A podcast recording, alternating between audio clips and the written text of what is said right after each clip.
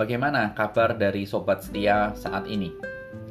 Kita telah memasuki bulan Desember minggu pertama dan hari ini saya akan kembali mengajak kita untuk merenungkan dan belajar bersama-sama dari Lukas pasal 12 ayat 35 sampai dengan 48. Dan saya memberikan sebuah tema, please answer this question. Namun sebelum saya mengajak kita untuk bersama-sama belajar dan merenungkan kembali dari Lukas pasal 12, saya mengajak kita sekali lagi untuk berdoa bersama, secara khusus bagi keamanan bangsa dan negara kita menjelang pilkada. Dan juga untuk mahasiswa FON yang akan menghadapi ujian akhir semester, dan khususnya 2018 yang akan menghadapi ujian proposal. Tuhan menolong kalian semua. Dan tak lupa, saya mengajak kita bersatu hati mendukung dalam doa untuk mama dari alumni FON yang bernama Stefania yang saat ini sedang terbaring sakit kiranya Tuhan boleh berkenan menyembuhkan dan menguatkan papa dan keluarganya dan juga merawat mama dalam masa-masa seperti ini. Tuhan menyembuhkan dan Tuhan memberkati.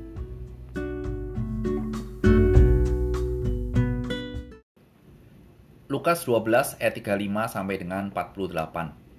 Hendaklah pinggangmu tetap berikat dan pelitamu tetap menyala. Dan hendaklah kamu sama seperti orang-orang yang menanti-nantikan tuannya yang pulang dari perkawinan, supaya jika ia datang dan mengetok pintu, segera dibuka pintu baginya. Berbahagialah hamba-hamba yang didapati tuannya berjaga-jaga ketika ia datang. Aku berkata kepadamu, sesungguhnya ia akan mengikat pinggangnya dan mempersilahkan mereka duduk makan, dan ia akan datang melayani mereka. Dan apabila ia datang pada tengah malam atau pada dini hari dan mendapati mereka berlaku demikian, maka berbahagialah mereka. Tetapi ketahuilah ini, jika tuan rumah tahu pukul berapa pencuri akan datang, ia tidak akan membiarkan rumahnya dibongkar. Hendaklah kamu juga siap sedia, karena anak manusia datang pada saat yang tidak kamu sangkakan. Kata Petrus, Tuhan, kamikah yang engkau maksud engkau maksudkan dengan perumpamaan itu, atau juga semua orang? Jawab Tuhan, jadi siapakah pengurus rumah yang setia dan bijaksana yang akan diangkat oleh tuannya? Menjadi kepala atas semuanya, ham, atas semua hamba-hamba hambanya untuk memberi makanan kepada mereka pada waktunya. Berbahagialah hamba yang dapati tuannya melakukan tugasnya itu ketika tuannya itu datang. Aku berkata kepadamu, Sesungguhnya tuannya itu akan mengangkat dia menjadi pengawal segala miliknya.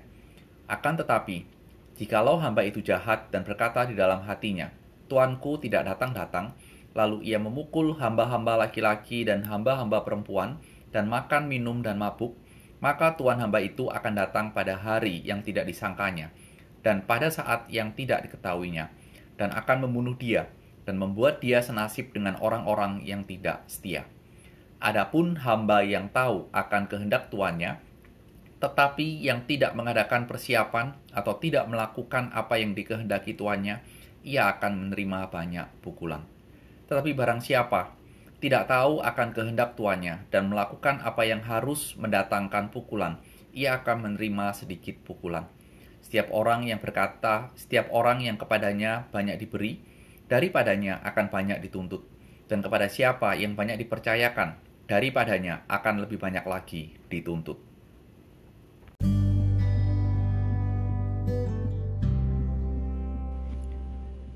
Mari kita berdoa. Tuhan Yesus, kiranya kekuatan firman Tuhan boleh menolong kami hidup bersandar kepada kebenaran-Mu. Dan sekali lagi kami menyerahkan untuk Mama Stefania beserta dengan keluarga Tuhan yang boleh menyertai dan memimpin dan kiranya melalui dokter dan perawat Tuhan boleh menyembuhkan. Demi Tuhan Yesus, amin. Sobat setia, salah satu konsep yang ada di dalam dunia ini adalah hidup itu identik dengan hidup saat ini. Hidup itu ya sekarang, now, present. Mengapa konsep ini ada? Karena banyak manusia yang menyadari bahwa sewaktu-waktu manusia itu bisa mati dan manusia menyadari besok pun aku tak tahu. Sehingga dengan konsep ini, orang menggunakan hidupnya mungkin selagi masih hidup, ayo kita hedon. Selagi kita hidup, mari kita memuaskan dengan menikmati apa yang ingin kita nikmati. Betulkah konsep itu? Salah. Konsep ini salah dan konsep ini harus dibongkar. Mengapa harus dibongkar? Karena dalam bagian yang kita baca, dalam Injil Lukas, Lukas mengajarkan kita justru kita harus bersiap di dalam hidup ini menyambut kedatangan Tuhan kembali. Dan ketika Tuhan akan datang kembali, Tuhan akan menghakimi semua orang. Sehingga jelas, di dalam bagian ini tidak mengajarkan bahwa manusia hidup bisa dengan rencananya, bisa dengan suka-suka. Sehingga apa yang seharusnya dilakukan dalam menyambut kedatangan Dia yang akan menghakimi seluruh umat manusia, itulah yang harus menjadi sebuah pemikiran dan perenungan bagi kita semua. Sobat setia, kalau kita perhatikan ayat-ayat yang kita baca, ada empat kata yang dipergunakan oleh Tuhan untuk menggambarkan bagaimana seharusnya sikap kita dalam menantikan kedatangan Tuhan yang kedua. Yang pertama adalah ikatlah pinggangmu. Ini bahasa yang menjadi bahasa kiasan. Judulnya adalah pokoknya bersiaplah dan budaya pada saat itu, orang berpakaian menggunakan jubah dan mengikat pinggang menunjukkan bahwa I'm ready, aku siap untuk bekerja. Kemudian kata yang kedua adalah nyalakan pelitamu. Ini juga bahasa kiasan. Pada saat itu belum ada listrik, sehingga pada malam hari semuanya gelap. Dan benar-benar ketika gelap tidak ada penerangan, dengan menyalakan pelita, artinya kita benar-benar siap untuk menyambut kedatangan seseorang. Kiasan yang ketiga adalah menantikan tuannya pulang dari pesta perkawinan. Pesta di sini bukan seperti pesta perkawinan di negara kita, yang bisa berlangsung mungkin dalam hitungan jam. Tapi pesta ini bisa berlangsung berhari-hari, bahkan lebih dari seminggu. Sehingga kapan tuannya akan datang, tidak ada yang tahu. Sehingga idenya adalah tetap bersiaplah Kiasan yang ketiga keempat adalah pencuri yang datang membobol rumah di tengah malam. Di negara mana pun, di zaman mana pun, pemahaman ini sangat jelas. Bahwa tidak ada orang yang tahu kapan rumahnya akan didatangi oleh pencuri. Sehingga penekanannya dalam empat gambaran ini adalah pokoknya bersiaplah. Kemudian cerita ini berlanjut dari ayat 41 sampai dengan ayat 48 memberikan sebuah gambaran dan memberikan kepada kita pilihan. Kita itu termasuk kategori orang yang mana? Kenapa seperti itu? Perhatikan. Kategori orang pertama adalah orang yang sadar dan benar-benar bersiap menyambut kedatangan Tuhan. Digambarkan bahwa orang seperti ini akan oh, menjadi orang yang diberkati. Terjemahan dalam bahasa Indonesia di ayat 37, 38, dan 43 adalah berbahagialah. Itu blessed Diberkati di sini merujuk kepada berkat surgawi. Namun ada pemahaman yang saya kaitkan dengan rangkaian cerita sebelumnya, bisa jadi berkat ini adalah pemeliharaan Tuhan yang mencukupkan kebutuhan dan makan minum kita. Sekali lagi, ini adalah sebuah jaminan yang Tuhan berikan kepada orang-orang yang setia menantikan Dia. Jadi, bahasa saya adalah berbahagialah orang yang betul-betul setia kepada Tuhan. Dan kategori orang yang kedua yang menjadi gambaran dalam bagian kita adalah orang yang tahu di orang yang tahu bahwa dia akan datang. Tetapi karena tidak datang-datang dan saya percaya tidak ada orang yang suka menanti begitu lama, mereka hidup semua maunya sendiri.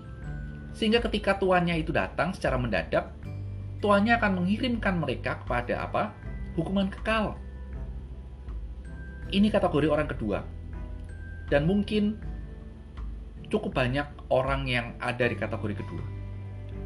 Dan kategori yang ketiga adalah orang yang mengetahui apa yang harus apa yang harus diharapkan oleh tuannya, tapi mereka tidak melakukan.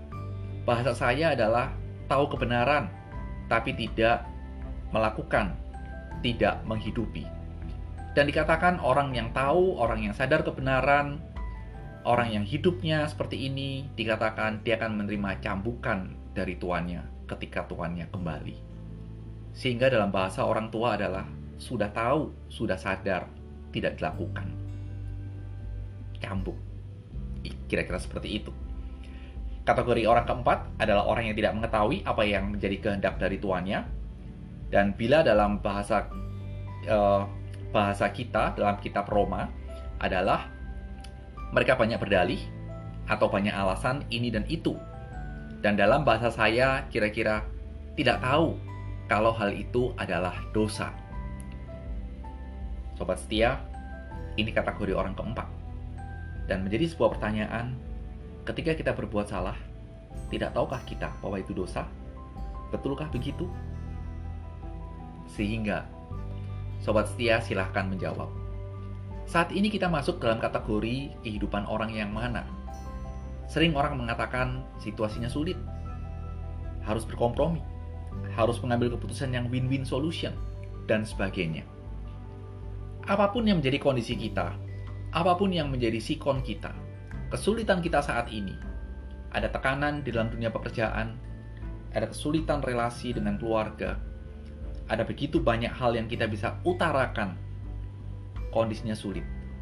Tapi bila kita saat ini ditanya, sudah siapkah kita menyambut kedatangan Tuhan Yesus Kristus? Dan ditanya, engkau kategori orang yang mana? Apa jawabmu? Please answer this question. Selamat menjawab dan menyiapkan diri kita menyambut kedatangan Tuhan yang kedua kalinya. Amin.